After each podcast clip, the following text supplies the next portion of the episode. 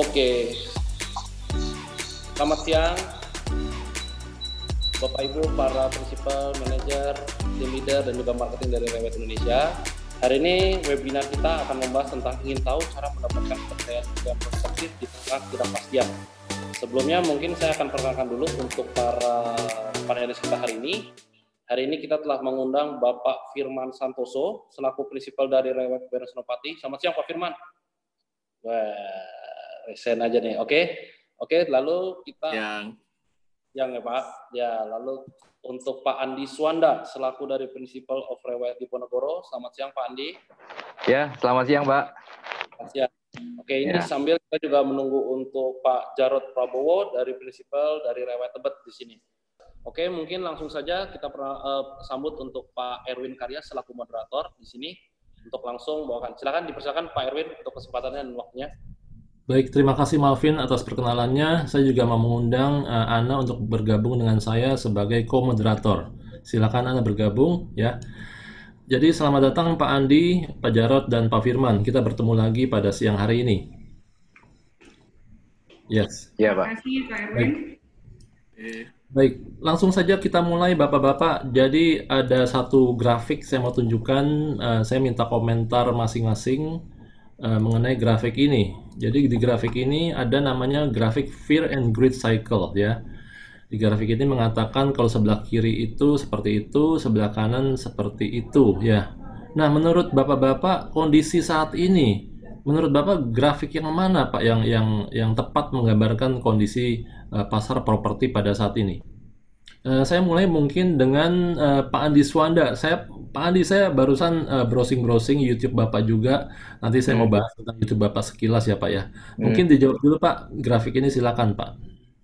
Kalau menurut saya sih sekarang itu orang eh ini sih Pak. Pada dasarnya kalau investor itu waktunya untuk beli ya. Karena mereka merasa bahwa saat-saat sekarang ini waktunya untuk beli karena banyak dari ini ya, dari klien-klien juga itu yang eh butuh jual propertinya untuk tambahan cash ataupun melunasi kreditnya di bank.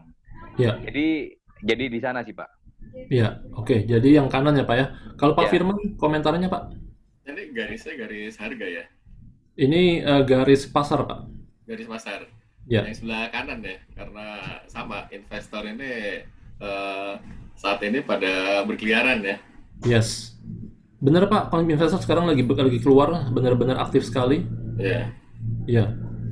Oke, eh, tapi saya di sisi lain ya, saya ada coba bicara dengan beberapa property agent baik dari Rewet maupun di luar Rewet. Ada di sisi satu sisi mengatakan bahwa benar investor sangat aktif seperti Pak Andi dan Pak Firman katakan. Tapi ada juga agen yang masih saya agak bingung ya, masih takut-takut ya keluar ya. Nanti coba kita bahas sedikit tentang itu, ketakutnya kenapa gitu ya.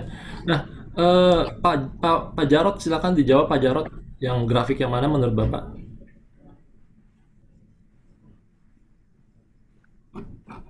Pak Jarot? Pak Jarot, silakan. Oh, masih di mute, Pak. Silakan, masih di mute. Tolong di unmute dulu.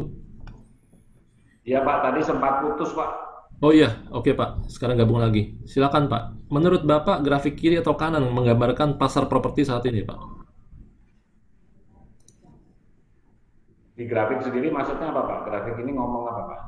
Ngomong pasar, Pak. Ngomong apa? eh, harga, ya bisa juga harga, bisa juga eh, pasar, demand, seperti itu. Kalau saya sebelah kanan ya Pak. Yes, sebelah kanan. Alasannya, Pak? Kalau menurut pendapat saya sebelah kanan. Baik, thank you ya. Nanti kita bahas lebih lanjut. Jadi memang benar ya, mengata, ya Warren Buffett mengatakan bahwa gimana Pak Jarot? Iya, Silakan. pembeli eh, calon pembeli itu membeli masih dalam agak agak nggak begitu. Ya, baik. Ada lagi Pak Jarot? Jadi mereka ada rasa fear gitu, Hmm. Oke, baik. Thank you Pak ya. gitu Pak. Ya. Jadi memang Warren Buffett mengatakan bahwa be fearful when others are greedy ya. Jadi takutlah pada saat orang eh, serakah dan eh, serakah pada saat orang takut ya. Jadi sekarang ini benar-benar menggambarkan pasar yang cocok untuk investor sebenarnya. Seperti itu. Jadi saya akan masuk ke pertanyaan yang tadi. Mungkin tolong dijawab. Masih ada agen Pak, saya lihat yang yang takut untuk keluar prospecting. Padahal sekarang ini justru peluang yang besar buat kita semua. Saya setuju dengan bapak-bapak. Ini peluang buat kita semua. Mungkin untuk meyakinkan agen yang masih takut-takut itu Pak, gimana tuh Pak, Pak Andi? Oke, so, ini sebetulnya uh, saya mau bahas dengan Pak Heritan itu Pak, yang istilahnya saya hari Senin depan itu akan uh, berduet dengan Pak Heritan untuk uh, benerin mindset dari marketing kita, Pak. Jadi sebetulnya yeah. kalau kita ngelihat pada masa pandemi ini itu ada dua macam uh, mindset marketing yang istilahnya tidak aktif ya di properti. Yang pertama itu mereka secara kesehatan sangat worried dengan COVID-19, Pak. Jadi akhirnya uh, mereka jangankan mau ini ya, mau ketemu orang, istilahnya ngangkat telepon aja nggak mau gitu loh, karena oh, saking takutnya. Wow. Jadi mereka uh, lebih cenderung milih di rumah ya. Itu biasanya agent-agent kita yang umurnya sudah sudah uh, 50 plus ya pak ya. Itu sama sekali tidak beraktivitas. Oke. Okay. Nah, terus kemudian ada juga sebagian lagi yang tidak tidak uh, maksudnya tidak produktif sekali di bisnis ini di masa COVID adalah mereka mikirnya begini, Pak. Iya. Yeah. Masa sih di masa COVID ini properti itu rame? Nah, itu hmm. itu juga ada mindset yang model gitu juga. Jadi akhirnya apa yang apa yang terjadi? Mereka akhirnya uh, profesinya itu sekarang tiba-tiba jadi banyak sekali. Mereka bisa jualan uh, hand sanitizer, jualan makanan, jualan macam-macam. Jadi properti malah dijadikan uh, bisnis sampingan yang betul-betul ke samping betul-betul sampingan sekarang. Ada juga seperti gitu. Baik, Pak Andi, tanggapannya oh, begitu. Putus-putus, Pak. Putus-putus Pak Jarot ya. Pak Jarot boleh di lockout dulu, coba di login lagi mungkin Pak Jarot. Uh, kalau dari saya cukup jelas di sini. Pak Andi mindsetnya seperti itu Pak Andi ya. Iya, Oke, okay. uh, mungkin uh, Pak Jarot sambil tunggu internet Bapak stabil ya. Uh, Pak Firman tanggapannya Pak masih ada marketing yang takut nih Pak dengan kondisi padahal peluang besar banget gitu ya, tapi masih takut-takut wajar sih karena ini kan masalah yang serius sekali ya. Virus masih tetap ada di luar sana, bukan berarti dengan ada transisi ini kemudian virusnya hilang kan. Virus masih ada kita tahu ya. Tapi uh, bagaimana merubah mindset itu Pak menurut Pak Firman? Ya, uh, kalau pengalaman saya kemarin memang dua tiga minggu pertama WFH itu setelah hmm. kita kemarin apa uh, annual award ya, yeah. itu memang ada beberapa yang takut. Tapi uh, saya kan kasih terus caranya mereka tetap berusaha tapi di rumah. Uh, yeah. Bagaimana mereka menggunakan semua teknologi dan semua database yang ada, BNS database. Akhirnya setelah lewat tiga minggu mulai mendapatkan ini kan mereka mendapatkan respon. Nah setelah ada respon mereka ya takutnya hilang. Takut hilang yeah. karena apa? Udah ada respon kok gua nggak ini nih, gua nggak showing hmm. gitu.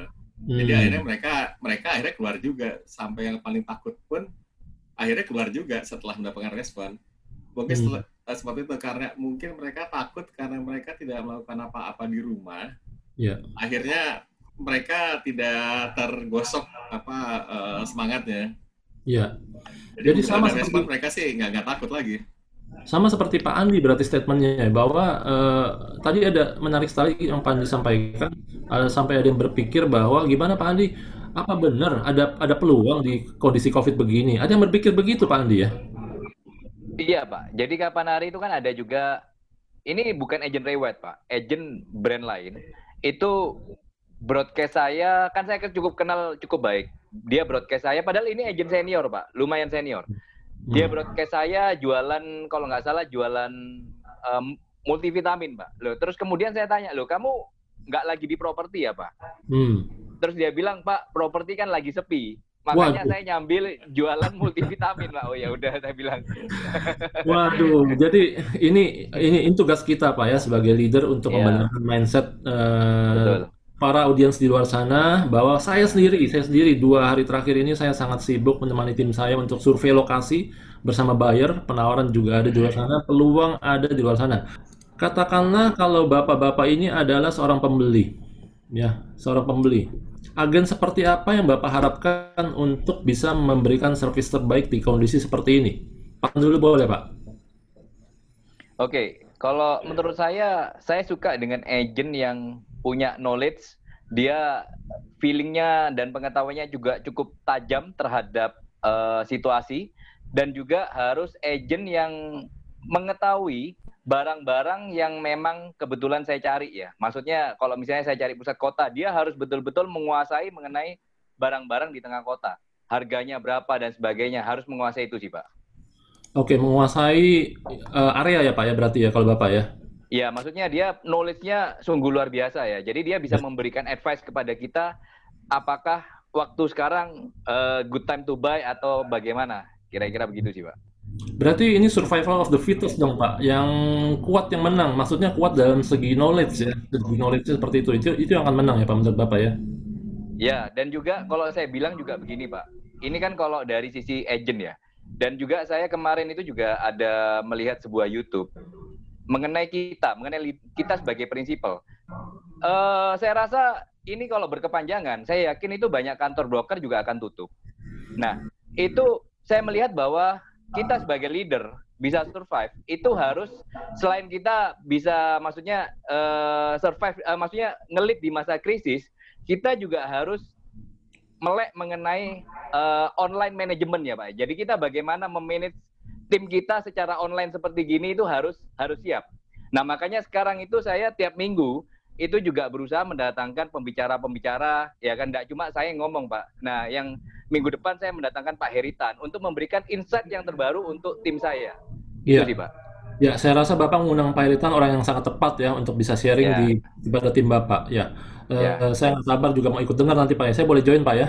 Boleh boleh pak. Baik oke okay, thank you Pak Andi. Pak Jarot sudah jelas Pak Pak Jarot suara saya sudah jelas Pak Jarot Sepertinya masih belum ya. Pak Firman, boleh dijawab Pak Firman? Tadi ya, lupa saya. Jadi gini, misalkan Bapak sebagai pembeli, Pak. Oh, sebagai pembeli, apa ya? Pembeli. Apa, ya. Uh, kalau saya sebagai pembeli, pertama uh, bayar apa marketing itu tahu requirement saya, kebutuhan saya apa aja. Karena banyak marketing yang saya budget segini, maunya daerah sini, butuhnya segini, tapi dikasih terlalu lebar. Itu banyak sekali terjadi dan akhirnya agak-agak kesel gitu. Yeah. Pertama requirement, kedua uh, knowledge tadi, knowledge tentang daerahnya. Hmm. Ketiga, kalau zaman pandemi gini dia dia bisa memberikan saya data-data yang lengkap, gambar-gambar maupun video sebelum saya uh, datang. Nah keempat, dia bisa mengantarkan saya ke hmm. rumah itu untuk melihat-lihat. Ya, jadi sama seperti Pak Andi jawabannya knowledge harus sangat kuat tentang knowledge, dan ya. juga kebutuhan ini kebutuhan si ini ya kebutuhan si buyer ini ya apa saya jadi ya. jangan terlalu lebar ke mana-mana gitu Setuju. Saya merasakan frustasinya Bapak. Saya juga lagi coba follow up ada seorang klien ya, cari rumah 800 sampai 1000 meter di satu area di Jaksel. Tapi kemudian penawarannya itu su luas sekali, melebar. Saya jadi sampai agak frustrasi juga ya dapatnya ya. Padahal saya udah sangat spesifik mintanya begini, klien juga, juga sudah sangat jelas gitu ya. Jadi jangan terlalu melebar Pak ya kalau menaruhkan yeah. satu properti seperti itu ya. Baik, baik. Thank you, Pak. Pak Jarot, kalau udah jelas, silakan langsung bicara saja, Pak. Langsung instruksi saya. Jadi saya juga bisa tahu Bapak sudah bisa apa bisa bergabung dengan kita. Di unmute dulu, silakan Pak Jarot. Kemudian kalau Bapak sudah merasa bisa. Bapak.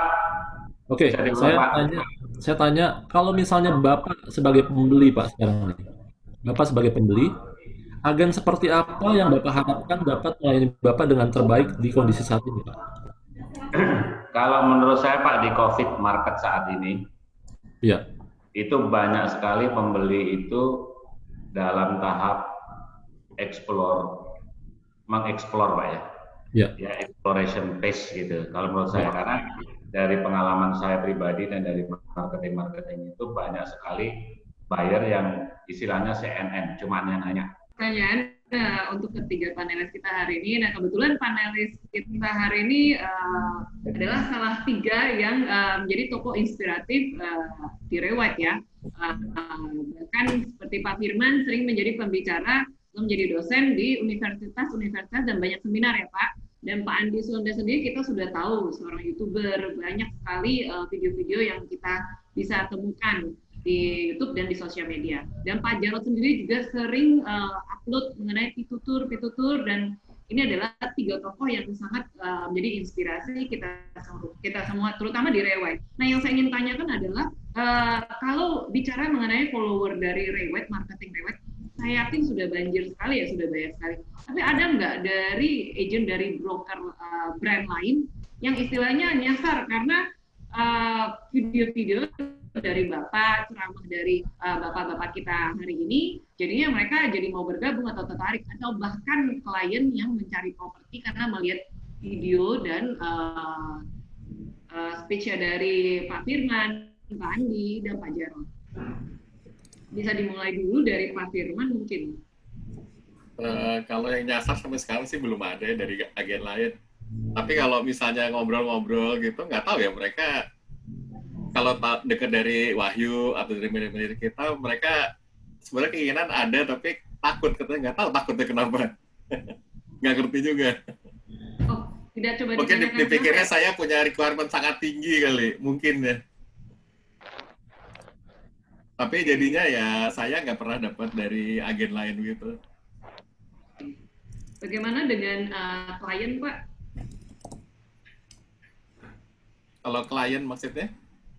Klien yang uh, pernah melihat ceramahnya Bapak, mengikuti seminar, kemudian oh kemudian, uh, kemudian mencari properti lewat Bapak, kemudian terjadi uh, banyak terjadi penjualan dari uh, hasil dari seminar Bapak kasih speech. Nah, kalau dari data saya belum belum tahu tuh bahwa dari saya bicara atau apa lalu mendapatkan klien belum belum belum pernah belum pernah saya data ya.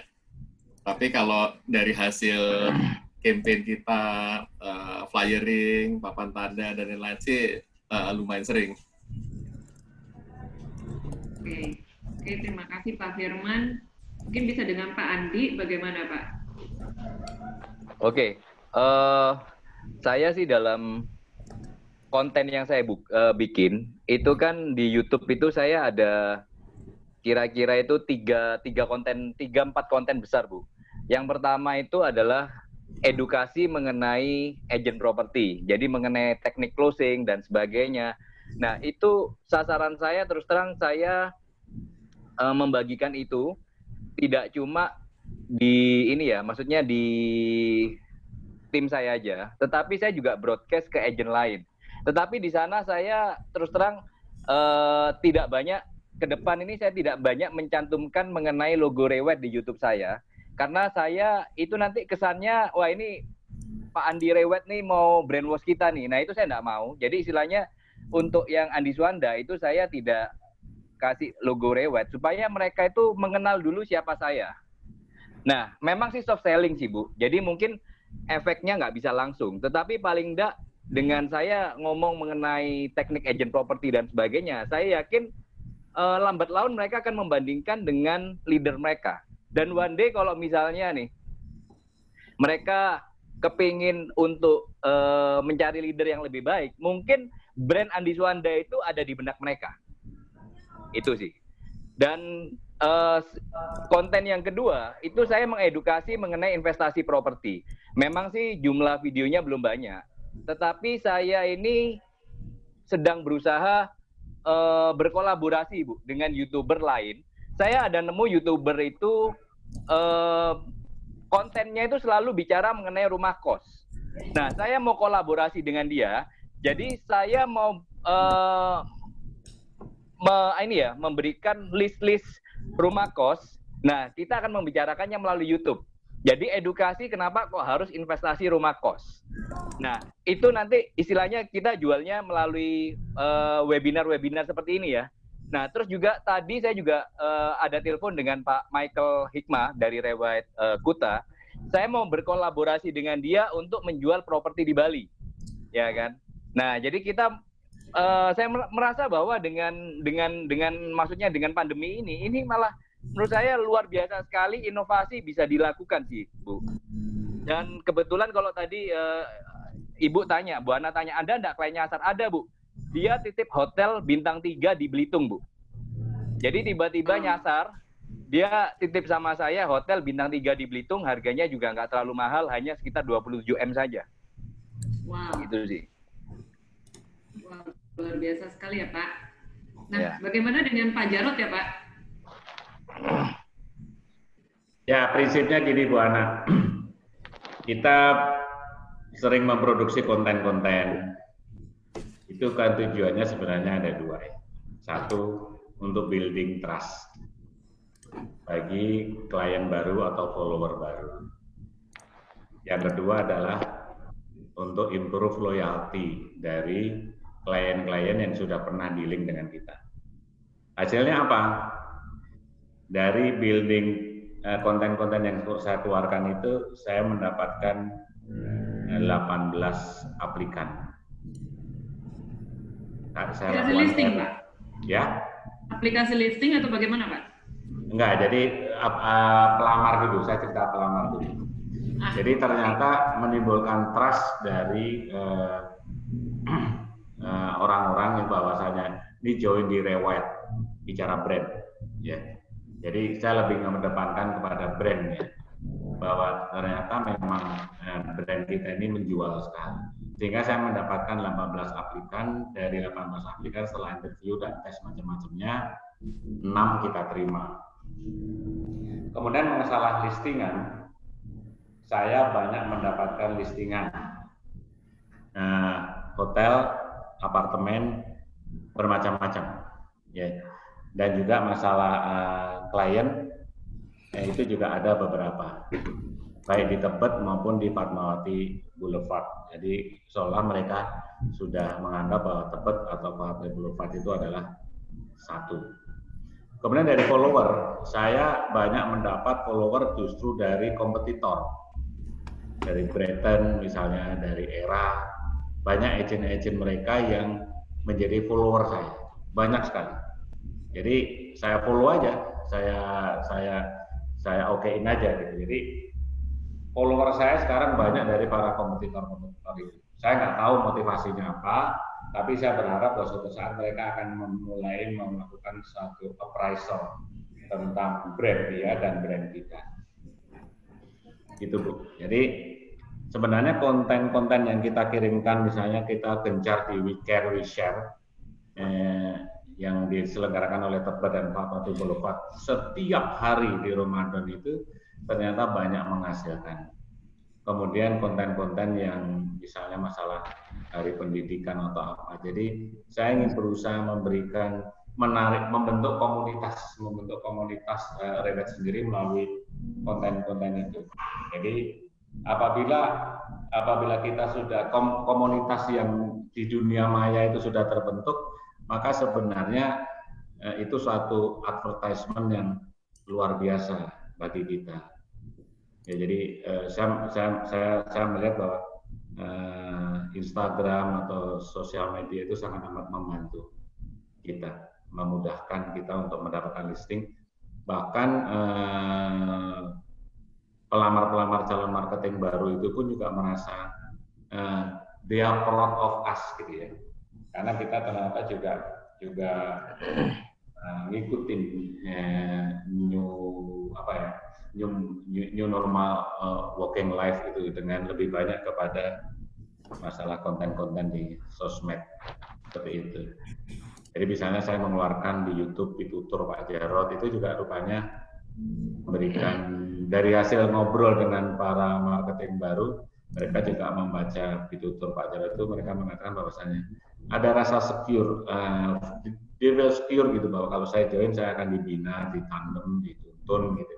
Jadi nggak dibiarkan sendiri. Jadi, nah, tapi tetap tidak terlepas daripada brand rewet itu tetap lebih saya kedepankan daripada personal brand saya, karena mereka nggak tahu siapa Jarod Jarod itu siapa sih. Gitu. Tapi kalau rewet mereka lebih banyak, lebih banyak tahu.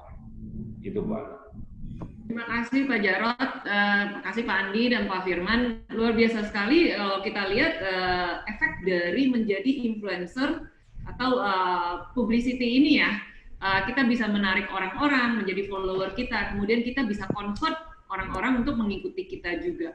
Bahkan uh, dari Pak Andi dan Pak Jarot sendiri mengatakan bahwa mendapatkan banyak listing dan klien dari uh, bahkan listing yang luar biasa ya hotel atau uh, rumah komersial segala macam dari uh, menjadi uh, influencer seperti ini. Saya yakin Pak Firman juga mendapatkan uh, banyak follower dan uh, uh, listing atau ini, tapi hanya Pak Firman tidak sadar. Mungkin hanya melalui kantor-kantor ya Pak Firman. Padahal Pak Firman sering jadi pembicara di mana-mana uh, ya saya lihat. Ya, Kalau ya, saya lebih ke arah ini, lebih ke arah uh, building sesuatu di mana uh, klien yang tadinya klien mereka tahu saya di Rewide selama ini. Tapi begitu saya berbicara di luar forum Rewide, mereka tahu bahwa oh ternyata yang namanya Pak Firman bukan cuma dagang aja gitu. Jadi ada ada nilai lebih, ada value lebih uh, di mata mereka ke saya atau kantor saya gitu. Seperti itu. Nah itu itu yang akhirnya uh, kalau saya mungkin mungkin menjadi klien tapi network makin makin lebar atau yang tadinya sudah jadi klien mereka melihat ada value lebih dan mereka mereka ke network mereka gitu. Mereka saya ke network mereka. Sorry Pak Firman, Pak Firman, yeah. Ya. uh, bisa di-share lagi Pak Firman saat itu sedang jadi dosen ngajar S2 di Untar saat itu ya. Yeah. Dan yeah. kemudian ada yang bertanya mengenai brand rewide dan lain-lain. Dan yeah. gimana Pak Firman menghandle-nya. Uh, dan uh, we know the the end of the story ya. Tapi bisa kira-kira share with us that menurut saya itu sangat-sangat menarik Pak. Uh, kebenaran kebenaran kepada saya ngajar uh, saya ngajar S2 Urban Planning dan Real Estate di Untar dan uh, 80% itu uh, developer mereka kerja di developer sisanya konsultan arsitek uh, dan pemerintah pemda maupun kementerian ya nah uh, saya memasukkan ada satu mata kuliah uh, agency karena mereka selama ini melihat uh, belum ngerti agency apa aja sih yang dikerjakan. Saya memberikan ada satu mata kuliah agency juga uh, dan dari situ perannya banyak, peran banyak dan mengarahnya mereka karena mereka tahu saya orang rewet, mengarahnya ke rewet. Cuman saya kalau di kalau di kelas uh, ini ini bukan bukan tapi jangan, ini saya saya bukan bukan uh, buat rewet kamu karena mereka tahu saya rewet dan sudah lama di rewet akhirnya bahkan salah satu mahasiswa saya jadi prinsipal sekarang itu. luar biasa Pak Firman Padahal itu udah subtle ya, bukan.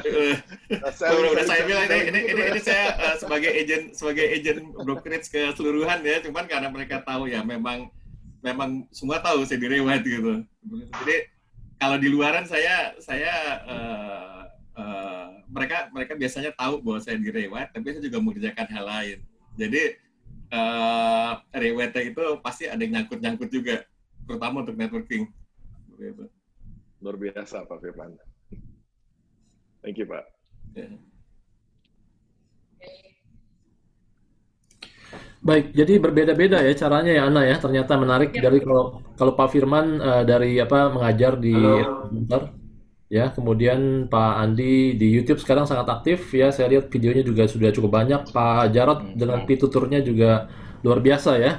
Nah, saya baru baca artikel menarik sekali ya. Jadi ada satu uh, kota namanya Monte Carlo. Ini di kota ini uh, banyak sekali milioner ya. Satu dari tiga orang di situ adalah bilioner ya di Monte Carlo. Dan Monte Carlo ini merasa bahwa penduduknya ini menua ya. Eh, anak muda itu merasa Monte Carlo itu nggak hype lagi untuk dikunjungi. Apa yang dilakukan? Yang dilakukan adalah sekarang mereka bikin influencer awards ya. Jadi dari Instagram gitu ya, mereka bikin uh, influencer, ya, cari influencer untuk mempromosikan kota Monte Carlo ini. Nah inilah yang dilakukan oleh para uh, panelis kita siang hari ini Ana ya. Mereka menjadi influencer, influencer di bidangnya masing-masing. Dan karena tema kita adalah bagaimana mendapatkan kepercayaan daripada klien tentunya, mungkin saya sharing sedikit apa kalau misalnya kita Google nama kita, coba Anda kalau nggak percaya silakan Google, nama Anda munculnya seberapa banyak. Saya coba Google nama Pak Andi nih ya, di Google nih ya, nama Pak Andi ini kita lihat coba munculnya seberapa banyak nih Pak Andi. Nah, Pak Andi di sini muncul sebagai agen rumah 123 rewa.co.id, 99.co, rumah.com, Facebook, Instagram, LinkedIn, uh, kemudian podcast Apple. Ya. Jadi, nah kalau misalnya begini, ini menandakan apa? Menandakan bahwa trust itu sudah ada. Jadi saya encourage untuk teman-teman semua di luar sana, kalau nama ada di Google masih sangat minim, Anda harus meningkatkan itu. Setuju Ana? Setuju Pak. Setuju. Ya. Pak Andi, gimana Bapak bisa ada begitu banyak Pak di Google satu halaman itu semua nama Pak Andi itu, ya? Saya nggak perlu scrolling ke halaman kedua nama Pak Andi semua. Tipsnya Pak supaya agen itu bisa lebih dikenal. Kalau kita dikenal kan ada istilah ya, tak kenal maka tak sayang. Betul nggak Pak? Kalau orang saya sudah terus, kenal, yeah. ya silakan Pak. Saya baru tahu kalau nama saya begitu banyak Pak di, di Google Pak. Cuma satu hal begini Pak. Uh, sos, uh, sosial media itu merupakan sesuatu uh, hal yang penting buat kita sekarang Pak. Karena ya. kalau dulu kan kita uh, kita ngomong raja media itu adalah kayak Jawa Pos, kayak Metro TV, kayak istilahnya hal-hal yang seperti itu. Nah sekarang itu kalau sebetulnya kita bisa menginfluence, tapi nggak usah menginfluence uh, satu Indonesia itu terlalu besar. Paling nggak kita menginfluence orang-orang yang seprofesi sama kita itu sudah luar biasa, pak. Ya kan? Di mana Betul. maksudnya kalau di Surabaya, pak, saya bersaing itu bukan bukan mengenai brand aja, tetapi saya bersaing mengenai nama saya, Andi Suanda Andi Suwanda dibandingkan hmm. dengan leader Anda mana yang lebih baik. Nah, itu saya uh, berusaha itu membranding saya diri saya seperti itu. Dan saya yakin kalau saya melakukan ini terus-menerus, Pak, saya bisa menjadi sebuah bisnis attractiveness yang bisa menarik orang-orang hebat, orang-orang top ke kantor saya, Pak. Itu sih. Iya. Oke, okay. uh, mungkin tadi challenge saya, Ana, saya tambahkan lagi bagi para audiens kalau uh, bisa Google nama Anda dan kemudian nama Anda itu muncul satu halaman penuh, tolong ketik di chat sekarang juga, hey nama saya muncul satu halaman penuh. Nanti saya akan mention nama Anda ya dari kantor mana supaya Anda saya promosikan nanti dan bisa mudah-mudahan bisa kobrok dengan begitu banyak kantor yang lainnya ya. Begitu Ana ya. Nah, jadi challenge ya, challenge hari ini adalah Google nama Anda, lihat seberapa banyak ya. Kalau misalnya satu halaman penuh, langsung mention di chat, silakan. Nah, Pak Firman, saya mau tanya Pak, Pak Firman begini, hal kreatif apa Pak yang tim Bapak lakukan untuk membangun trust di komunitas? Membangun trust di komunitas? Ya. Kalau untuk kreativitas, saya rasa sih uh, tidak ada sesuatu yang istimewa, tapi uh, kita kita selalu uh, melakukan pendekatan dengan dengan cara yang bisa diterima oleh komunitas di Kebunan Baru. Hmm. Mereka pendekatan yang mereka mereka merasa nyaman dengan kita. Ya. Di, uh, kita kita uh, mungkin Pak Erwin tahu ya saya cerewet kan soal pakaian, yes. soal cara gesture, Betul. cara Betul. cara kita bicara. Nah itu itu ya. yang saya tekankan karena memang pasar kita seperti itu. Betul. Karena kalau kita terlalu kreatif yang terlalu anak muda, malah hmm. nantinya nggak diterima akhirnya. Yes. Bisnis kita uh, seperti ya? dari marketing kan pengen Jumat pakai jeans ya, Jumat pakai jeans. Saya selalu bilang kalau misalnya Hotel Dharma Wangsa yeah. di front office ya udah pakai jeans, boleh kita ikutan pakai jeans. Cuma selama mereka belum, kita ikutin aja. Seperti itu. Saya ingat Jadi banget. Kita, kita sesuaikan dengan pasar kita aja. Ya, saya ingat banget Ana, uh, ada salah satu BDI datang ke kantor Pak Firman, tidak pakai dasi, Pak Firman langsung tegur BD-nya. Iya, masa BD nggak pakai dasi, siapa tuh? Iya, tapi tangan cuma di chatroom. Tapi BDI-nya nggak bertahan lama, Ana ya, ya karena nggak disiplin sih ya. Aduh, kalau direwet kan harus disiplin Pak Firman ya, benar nggak? Jadi ah, jadi manajer tapi sekarang. bukan, bukan, saya oh, udah keluar. Ya? Bukan yang itu, bukan yang itu. Yes, yes. Nah, ini ada challenge kita sudah berhasil. Ada Ibu Ida Hera. Ada dua halaman di Google. Ya, Ana boleh Google, Ana. Nanti tolong screen. Ya. Google tolong screen share Ibu Ida Hera ada dua halaman di Google luar biasa. Pak Jarot, uh, pertanyaan yang sama Pak Jarot. Pak Ida Hera itu Pak? Waduh Pak Jarot pura-pura lupa nih ya. Pak Jarot, jawaban uh, pertanyaan yang sama Pak. Hal kreatif apa yang Mbak, tim Bapak lakukan di kondisi saat ini untuk membangun trust Pak kepada klien Pak? Uh, ada enam kebiasaan Pak untuk ya. membangun trust kepada klien kita. Yang satu yang sering saya lakukan adalah saya melakukan periodical listing evaluation. Hmm. Tujuannya untuk melihat dom yang paling lama properti mana aja yang sudah satu tahun ke atas. Kalau misalnya ada dom yang sudah dua tahun nggak laku-laku, saya akan tegur marketingnya ini kenapa? Sering yeah. dikirim vendor report atau yeah.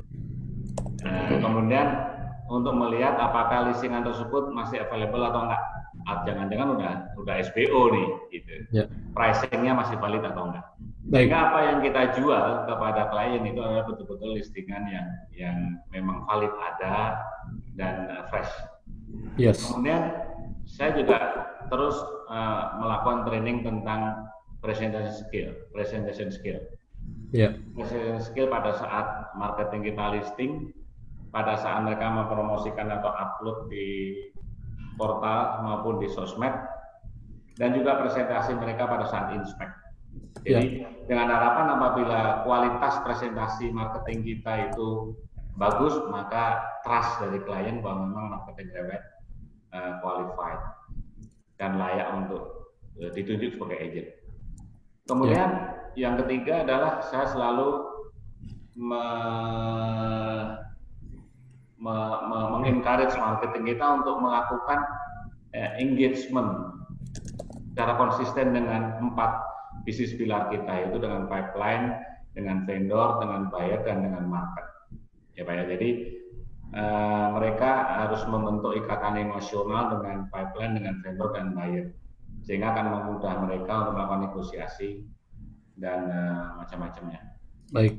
Kemudian yang keempat adalah saya selalu mengencourage marketing kita adalah untuk mendapatkan fresh listing. Ya. Jangan membiasakan listing di akuarium, mancing seperti mancing di akuarium. Jangan membiasakan listing berdasarkan Facebook. Apalagi kalau ada properti yang Facebooknya ada 10 di listing juga Ya. Itu kita sebut listingan basi. Jadi saya mengencourage marketing saya untuk tolong lakukan fresh listing. Hmm. Door knocking, letterbox drop atau apa pun ya. atau flyering seperti itu. Ya. Kemudian setiap minggu saya juga selalu melakukan eh, kayak semacam enrichment marketing knowledge kepada setiap marketing. Gitu. Jadi pada saat mereka listing, mereka udah tahu harga pasar di situ seperti apa. Ya. Dan yang terakhir adalah saya selalu memberikan training improve skill mereka atau skill enhancement mereka untuk menjadi digital marketing. Karena saya beranggapan bahwa marketing ini kan brand ambassador kita ya Pak. Betul.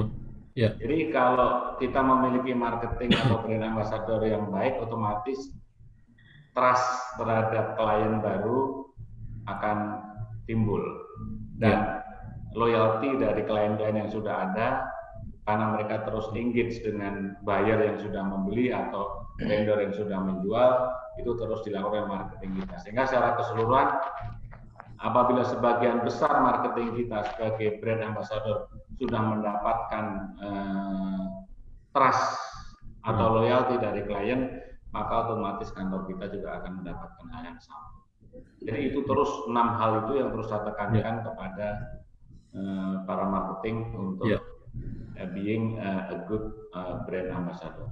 Iya, saya saya yakin para market uh, audiens kita pada mencatat ya enam hal tersebut ya. Uh, tapi tadi saya nggak keburu, kalau anak keburu boleh di sharing juga tuh Ana ya. Enam hal itu bagus sekali ya. Nah berarti bisa saya simpulkan bahwa uh, mengenai branding ini kan kita tahu ya, Ray White dikenal sebagai top of mind awareness. Berkali-kali Gubernur DKI sebelumnya menyebutkan nama Ray White kalau property agent White, Ray White bukan yang lain ya, sudah menjadi household name seperti Pak Firman sering sampaikan juga. Nah, tetapi uh, brand White-nya sudah tidak ada masalah, sudah terkenal. Sekarang pertanyaannya, menurut Pak Andi, Pak Firman, Pak, Pak Jarot ya, bagaimana cara membangun personal branding yang kuat bagi para marketing, Pak? Tadi Pak Andi sudah sharing banyak hal ya, tapi mungkin ada hal lagi yang boleh di-sharing, Pak. Membangun top of mind awareness buat uh, property agent tersebut personal branding. Silakan Pak.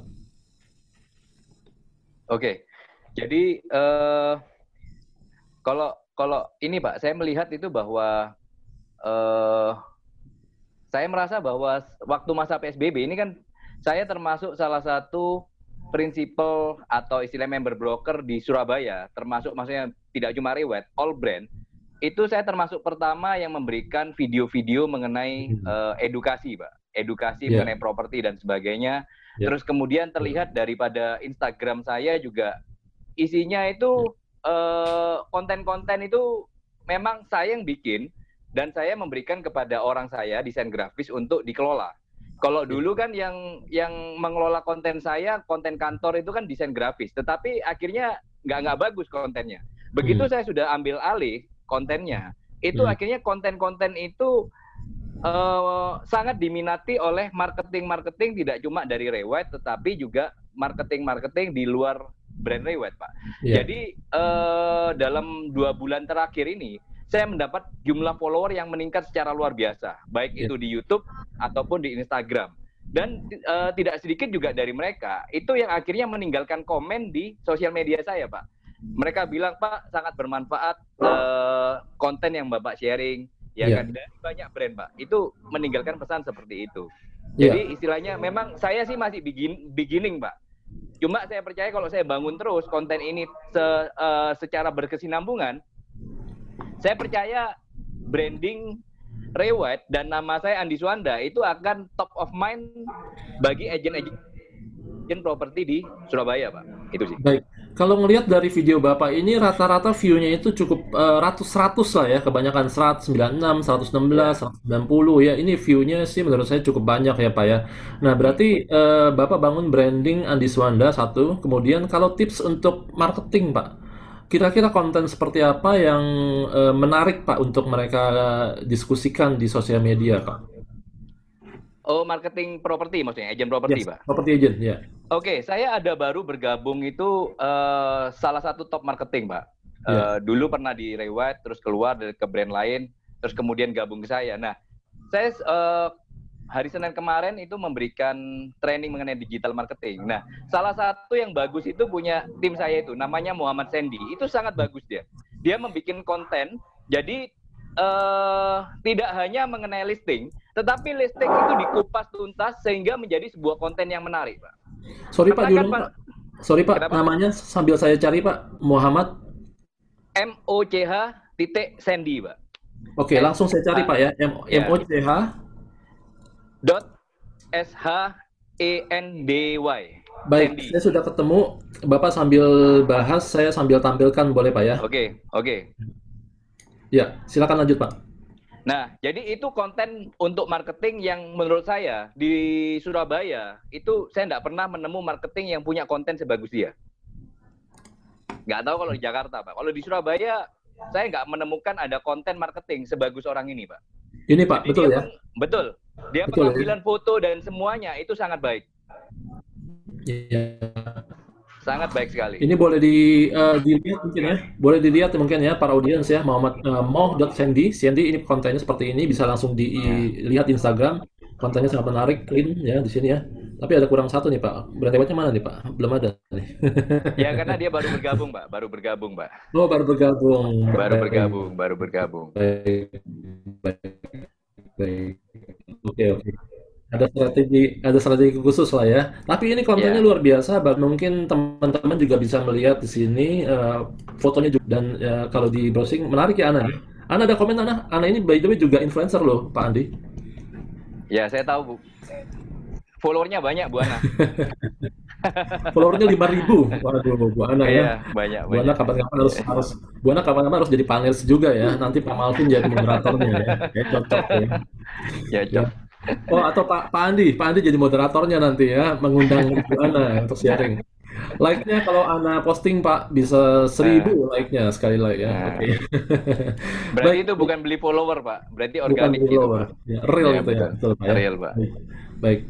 Oke, okay, uh, eh, any comment Ana silakan.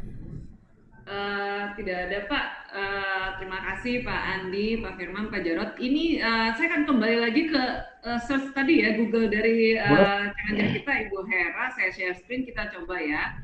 Google halaman pertama lihat ya. Ibu Ida Hera, Ibu Ida Hera Ray White, Ray White owner and principal Ray White Fatmawati Boulevard. Kemudian di halaman kedua masih Ibu Ibu Hera, Ibu Hera juga di Pinterest. Oh, sampai halaman kedua saja. Udah banyak anak halaman kedua. Hebat itu Ibu Ida Hera harus di follow. Hebat, Pak. Itu siapa Pak ya? Pak Jarot Ibu Ida Hera itu siapa Pak? Saya belum kenal loh Pak, kenalin dong. Waditiro. yes, yes. Nah, jadi uh, teman-teman yang sudah browsing namanya, nama lengkap ya. Jadi ini mungkin tips uh. juga ya buat teman-teman ya. Uh, spanduk itu sebisa mungkin kalau bisa nama lengkap. dan uh, promosi Anda seperti Pak Andi Suwanda itu nama lengkap ya di Google itu langsung muncul karena gimana pun kan pembeli mau beli properti mahal mereka juga cari tahu dong ya kan apalagi beli properti puluhan miliar misalnya ya mereka cari tahu nih agennya bener nggak nih agen agen pengalaman atau tidak kan gitu ya jadi kalau Bapak Ibu ya uh, browsing atau Google nama Bapak Ibu tidak muncul atau munculnya sangat sedikit, bertobatlah kembali ke jalan yang benar, gitu Ana ya. yes, jadi uh, ini saatnya Anda promosikan personal branding Anda dengan lebih baik lagi. Nah, Ana bicara personal branding nih, ya. Um, kira-kira dari ketiga panelis kita siang hari ini kelebihannya masing-masing beda-beda ya, Ana ya? Beda-beda, Pak. Beda-beda ya. Saya saya tertarik dengan pituturnya Pak Jarot ya. Pak Jarot saya lihat sedikit di Pak Jarot pituturnya ini. Di sini Bapak mengatakan ada satu video Pak satu uh, upload Bapak mengatakan trik closing cepat saat COVID-19 ini cuma tiga menit ya gampang sekali dicernanya. Bapak di sini mengatakan apa Pak? Boleh sharing Pak? Uh, terutama adalah mengenai fokus kepada follow up buyer, ya Pak ya.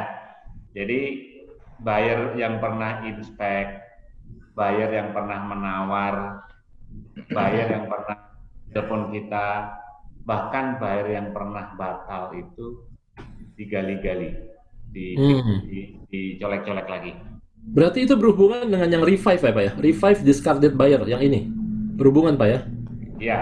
Jadi yes. itu pitutur saya itu ber, uh, berkesambungan sebenarnya. Hmm. Jadi berarti seri ya? Ya, jadi saya me pernah menekankan kepada Ibu Ida Hera, kebetulan dia tetangga tetangga tidur saya. Itu untuk coba kamu gali-gali lagi dan dia berhasil. Jadi buyer yang batal itu ternyata kembali membeli meskipun properti lain yang dibeli. Ya. Jadi jangan pernah mengabaikan buyer-buyer pernah nelpon kita. Kadang-kadang para marketing itu pada saat bayar pun terus nggak ada muncul nggak di nggak dicolek lagi nggak di manage lagi. Iya. Bahkan bayar yang pernah nawar tapi gagal pun tidak diberikan alternatif apabila isunya adalah masalah budget misalnya. Hmm, baik. Kemudian, uh, yang pernah inspek pun juga pernah begitu. Jadi yeah. kadang-kadang kesalahan di inspek itu juga perlu diperhatikan.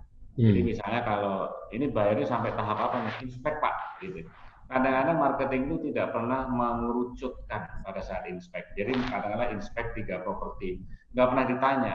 Kadang-kadang dari pro tiga properti itu yang yang yang mana yang paling mendekati e, memenuhi kebutuhan bapak ibu itu pun juga nggak pernah ditanya. Jadi begitu si buyer e, bilang oke okay ya nanti saya hubungin lagi itu si marketing kita biasanya oke okay, pak terima kasih pak atas ini udah selesai that's nggak pernah dihubungin lagi. Okay. Nanti saya, saya minta digali lagi, digali lagi, digali lagi. Yes. Digali lagi, digali lagi, dan digali lagi. Jadi ternyata itu adalah salah satu uh, shortcut untuk closing uh, lebih cepat. Gitu, iya. Banyak menghasilkan. Karena database-nya sudah ada, Pak ya? Benar nggak? Iya, karena masalah kalau kita merekrut buyer baru, itu iya. prosesnya yeah. akan jauh lebih lama daripada kita menggali kembali prospek-prospek buyer yang sudah lama kita nggak sapa. Jadi Uh, dalam situasi COVID ini jangan terlampau fokus kepada uh, buyer recruitment karena buyer recruitment itu prosesnya lama, menggali yeah. keinginan, menggali kebutuhan, uh, inspect. Tapi yeah. kalau uh, buyer-buyer yang pernah berinteraksi dengan kita itu setidak-tidaknya ada ikatan emosional kan. Iya. Iya. Baik, baik. Nah, ini ini uh, sharing yang bagus sekali dari Pak Jarot daripada Bapak Ibu terutama ibu-ibu nih Ana ya. Ibu-ibu itu daripada nonton drama Korea berjilid-jilid ya mendingan ngeliat ini nih, ngeliat pituturnya Pak Jarot nih. Nggak panjang kok ya 7 menit, 9 menit ya. Benar nggak Pak Jarot ya? Drama Korea misalnya nggak keruan Pak ya. Atau Pak Andi, kalau Anda mau konten yang yang juga juga sama menariknya Pak Andi ya. Pak Andi ini menariknya gini ya, kalau saya perhatikan Pak Andi konten YouTube-nya rata-rata belasan menit Pak Andi ya. Ada yang dua menit yeah. ini properti ya. Dan yeah. 31 menit ini adalah dengan Pak ini interview kalau nggak salah. Interview ini cukup panjang. Yeah. Nah, kalau saya nonton TEDx Pak, saya suka sekali TED uh, TED Talk ya. TED Talks itu rata-rata memang uh, konten yang menarik itu cukup belasan menit saja. Ya 13 menit, 12 menit, 15 menit itu yang mudah dicerna. Ini Pak Andi sengaja ya Pak ya bikin konten nggak terlalu panjang. Ada ceritanya Pak di balik itu? Oh, kalau memang saya belajar dengan YouTube ya Pak ya. YouTube itu ternyata memang eh, nggak uh, mudah untuk supaya orang itu view sekian panjang itu memang nggak mudah. Betul. Jadi memang makanya itu yang ideal harusnya itu kira-kira 10 maksimal 15 menit. Tetapi yes. kadang kita kalau kayak saya dengan Pak Cipto, saya kan nggak bisa hanya 15 menit, Pak. Mau nggak yeah. mau kan uh, sekitar berapa menit. Nah, yeah. jadi mau nggak mau sih itu saya lakukan. Tetapi yang ternyata di luar dugaan, Pak. Viewernya yang saya uh, sama Pak Cipto itu ternyata viewernya cukup tinggi, Pak. Iya. Nah, oh, jadi menurut saya uh, mungkin apa yang dibilang, yang maksudnya yang dibicarakan Pak Cipto itu cukup menarik bagi pendengar-pendengar itu untuk mendengarkan.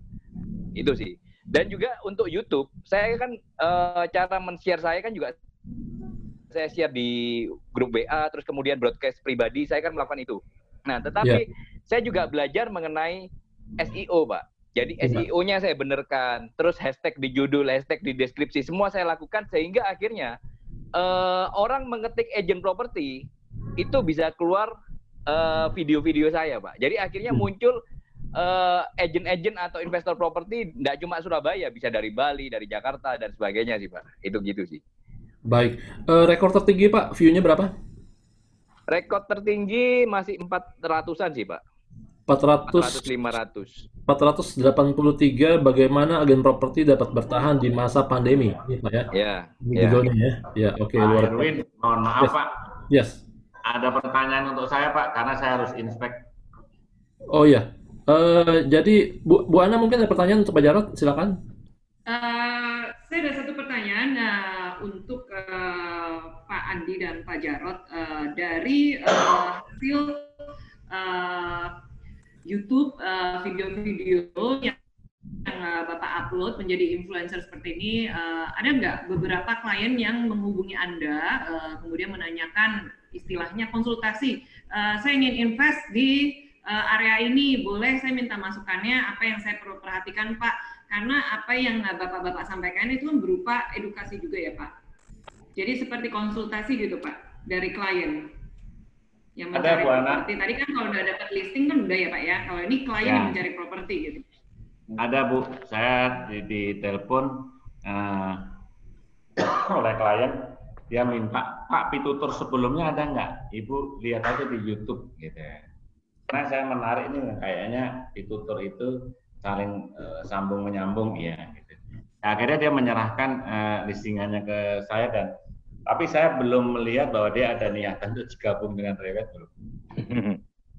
Tapi uh, curiosity terhadap isi daripada YouTube saya itu ada. Ya, baik. Ya.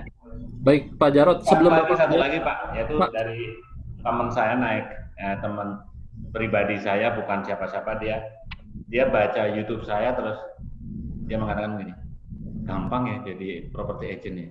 Saya bisa nggak jadi uh, independent uh, property agent? Oh bisa, bisa aja, semuanya bisa. Hasilnya efektif atau enggak? Nah itu. jadi bekerjalah tanpa brand itu bisa aja. Pelajari yeah, yeah. gitu. Saya dan browsing dari beberapa uh, ahlinya nanti kan uh, bisa bisa menjadi property agent. Jadi dari ngelihat tutor saya itu mereka beberapa orang melihat bahwasanya gampang ya jadi property agent. Kelihatannya gampang Pak ya. Pak, Suruh one jadi prinsipal Pak. Pak, one more question before you go Pak. Satu pertanyaan sebelum Bapak jalan. Satu lagi Pak ya. Saya, saya lagi berusaha melengkapi ini Pak. Melengkapi tips ini. Jadi tips buat teman-teman audiens di luar sana ya. Tujuh profil property agent yang dapat dipercaya klien prospektif di kondisi new normal ya. Tadi ada tiga sudah di-sharing. Pak Jarod tadi uh, sinyalnya kurang bagus. Keempat Pak, boleh Pak, silakan. Menurut Bapak itu apa? dia selalu uh, menyajikan listing yang fresh, Pak. Oke, okay, menyajikan dan, uh, pricing yang bagus. Fresh dan uh, pricing yang menarik, Pak ya. Ya. Menarik ya. Oke. Okay. Thank you Pak Jarot atas sharingnya dan Satu ini lagi Pak. Ya. Dan boleh. dia mempunyai presentation skill uh, yang bagus dalam arti kata convincing uh, people yang bagus masalah convincing karena convincing kan tergantung presentasi pak ya Orang meyakinkan orang ya jadi pak ya? ada orang senang untuk bicara sama dia yes baik baik Pak Jarot mau ke mana Pak mau survei properti inspect Iya mau inspect Pak di Menteng kebetulan kliennya ini dari Singapura dia nginep di hotel Mandarin dan saya harus jemput beliau di hotel Mandarin. Baik, baik, thank you Pak. Pak Jarod sharingnya silakan kalau Bapak mau jalan, saya lanjut dengan Pak Andi dan Pak Firman. besok jadi Bu. Pak. Bu Ana besok jadi? Jadi Pak, besok saya ke kantor ya Pak. Oke, terima kasih. Baik, terima kasih Pak. Pak Firman, Bu Ana, Pak Jarod, uh, Pak Jarod, Erwin, dan semua teman-teman. Terima kasih. Okay. Semoga sukses buat semuanya. Thank you, thank you, Pak Jarod. Thank you, juga ya, yang hari ini Pak Jarod. Ya. ya. Baik, semoga sukses Pak Jarod ya, Inspektur. Amin, Pak, amin. Ya, terima kasih. Nah, kita lanjut Pak Andi, Pak Firman, jangan ke mana-mana, masih banyak pertanyaan ya, masih ada pertanyaan dari Ana maupun saya. Uh, jadi kembali kepada personal branding. Pak Firman kan ngajar di S2 oh, Untar. Tadi mungkin uh, pertanyaan saya masih ke Pak Andi tadi. Uh, oh, boleh, belum ya? Sorry, sorry. Ya. Oke, okay. silakan, iya. silakan. Gimana? Okay. Pak Andi, silakan. Jadi begini, Bu. Terus terang kalau saya kan punya database klien yang memang saya pegang sendiri itu kan yang memang uh, 5-10 M ke atas. Terus terang saya bikin belum bikin konten untuk mereka Nah, saya nanti akan bikin konten ini yang memang untuk mereka ini yang saya kolaborasi dengan Pak Michael, Pak Michael Hikmah. Nah, itu mungkin akan saya bagikan kepada mereka sehingga akhirnya mereka akan punya perspektif mengenai properti di Bali misalnya. Nah, itu itu mungkin nanti akan timbul uh, titip listing dan sebagainya. Karena kan memang uh, untuk yang YouTube dan sebagainya yang ditujukan kepada klien-klien saya yang memang eh, level-level uh, segitu itu memang saya belum bikin. Jadi saya lebih bikin kepada yang terakhir itu ada beli properti dengan uh, apa itu gaji UMR saya bikin, tapi kan bukan untuk database saya. Terus beli properti sejumlah anak. Saya rasa klien saya rata-rata punya propertinya sejumlah anak sih Bu. Jadi menurut saya saya belum bikin konten untuk mereka gitu. Oke, terima kasih Pak Andi. Boleh Pak ya. Erwin dilanjutkan? Iya, jadi tadi kembali kepada Pak Firman, Pak Firman nih brandingnya ini menurut Anda apa branding Pak Firman ini? Personal branding maksudnya ya. Personal branding Pak Firman ini adalah uh, sangat well educated, betul nggak Anda? Betul, ya? sophisticated. Sophisticated, seperti itu ya. Dan nggak heran kemudian tim-tim yang bergabung dengan Pak Firman itu juga sophisticated, gitu nggak Anda? Betul, betul. Seperti itu ya. Jadi, Jadi yang tadi Pak Firman sebutkan kriteria di Senopati ini sangat tinggi sekali ya Pak ya, qualification-nya. Hmm sebenarnya sih nggak juga kita filternya udah kita buka sekarang tapi memang ada beberapa yang ingin bergabung tapi baru ngobrol-ngobrol dengan orang-orang apa dengan manajer kita atau dengan marketing kita. Tapi mereka agak takut-takut nggak ngerti juga saya takutnya kenapa gitu kalau saya minta high requirement begitu.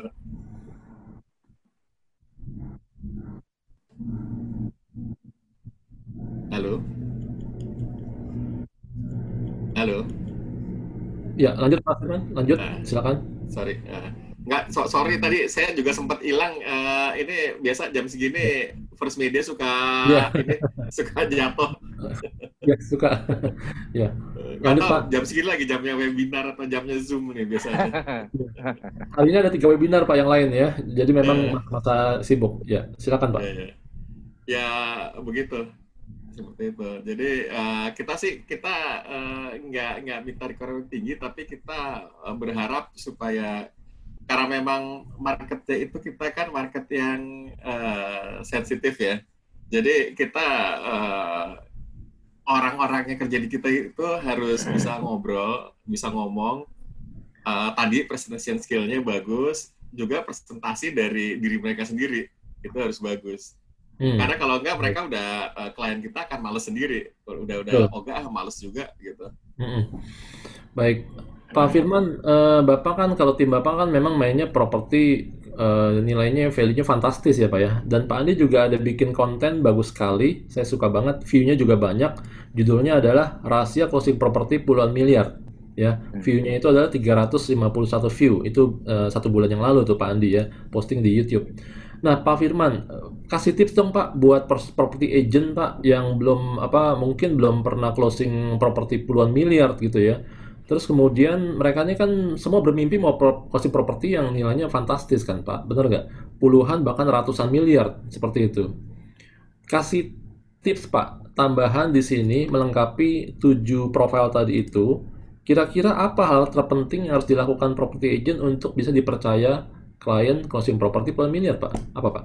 Yang pasti harus punya will yang tinggi karena closing properti yang tinggi itu membutuhkan proses, enggak hanya enggak hanya uh, satu bulan dua bulan, itu bisa mencapai enam bulan baru bisa closing.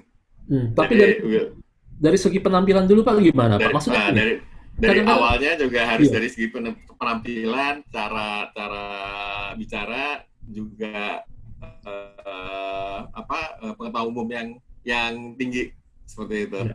Lalu ya. juga kalau bisa pengetahuan uh, knowledge tentang produk dan area sekitar. Ya. Dari Pak, situ uh, napas yang tinggi karena itu tadi yang saya bilang apa uh, proses ada proses yang cukup panjang. Hmm. Pak definisikan sophisticated Pak buat marketing. Sophisticated buat marketing. Hmm. Dia cara dia berpakaian, cara gesture, cara bicara yang sophisticated. Hmm. Sophisticated berarti uh, gimana tuh? Uh, nggak nggak ini ya uh, cara bicara teratur, lalu mereka fokus dan uh, dengan logat atau aksen yang yang juga uh, apa ya berkelas lah begitu. Hmm. Oke. Okay. Jadi supaya supaya si klien ini mereka uh, dengan nyaman, mereka mereka nyaman untuk bicara dengan mereka bahkan bisa menjadi teman. Ya boleh nggak saya katakan bahwa fake it until you make it. Jadi kita harus bikin diri kita itu seakan-akan sukses gitu Pak ya. Dan orang nyaman dengan kita, eh, ini saya agen yang layak jualan properti puluhan miliar.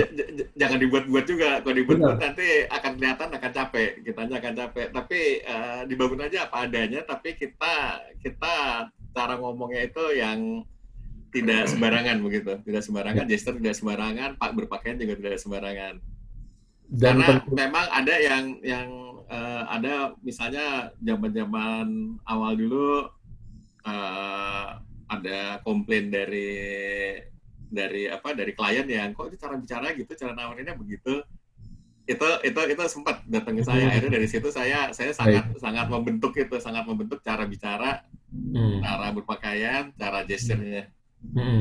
bahkan ada jangan sampai jangan sampai kurang ajar gitu ada role play mungkin di kantor Bapak juga mengenai ini? Uh, tidak ada role play sih, paling saya hanya kasih tahu aja dan lalu itu menjadi budaya di kantor. Jadi mereka saling melihat satu sama lain. Baik, thank you Pak Firman. Pak Andi ada sudut pandang lain Pak uh, berbicara tentang tadi Pak tips apa uh, rahasia closing properti puluhan miliar gimana Pak?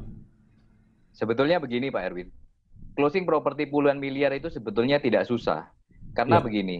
Uh, tergantung area. Kalau misalnya main di tempat saya di kawasan Diponegoro, Pak.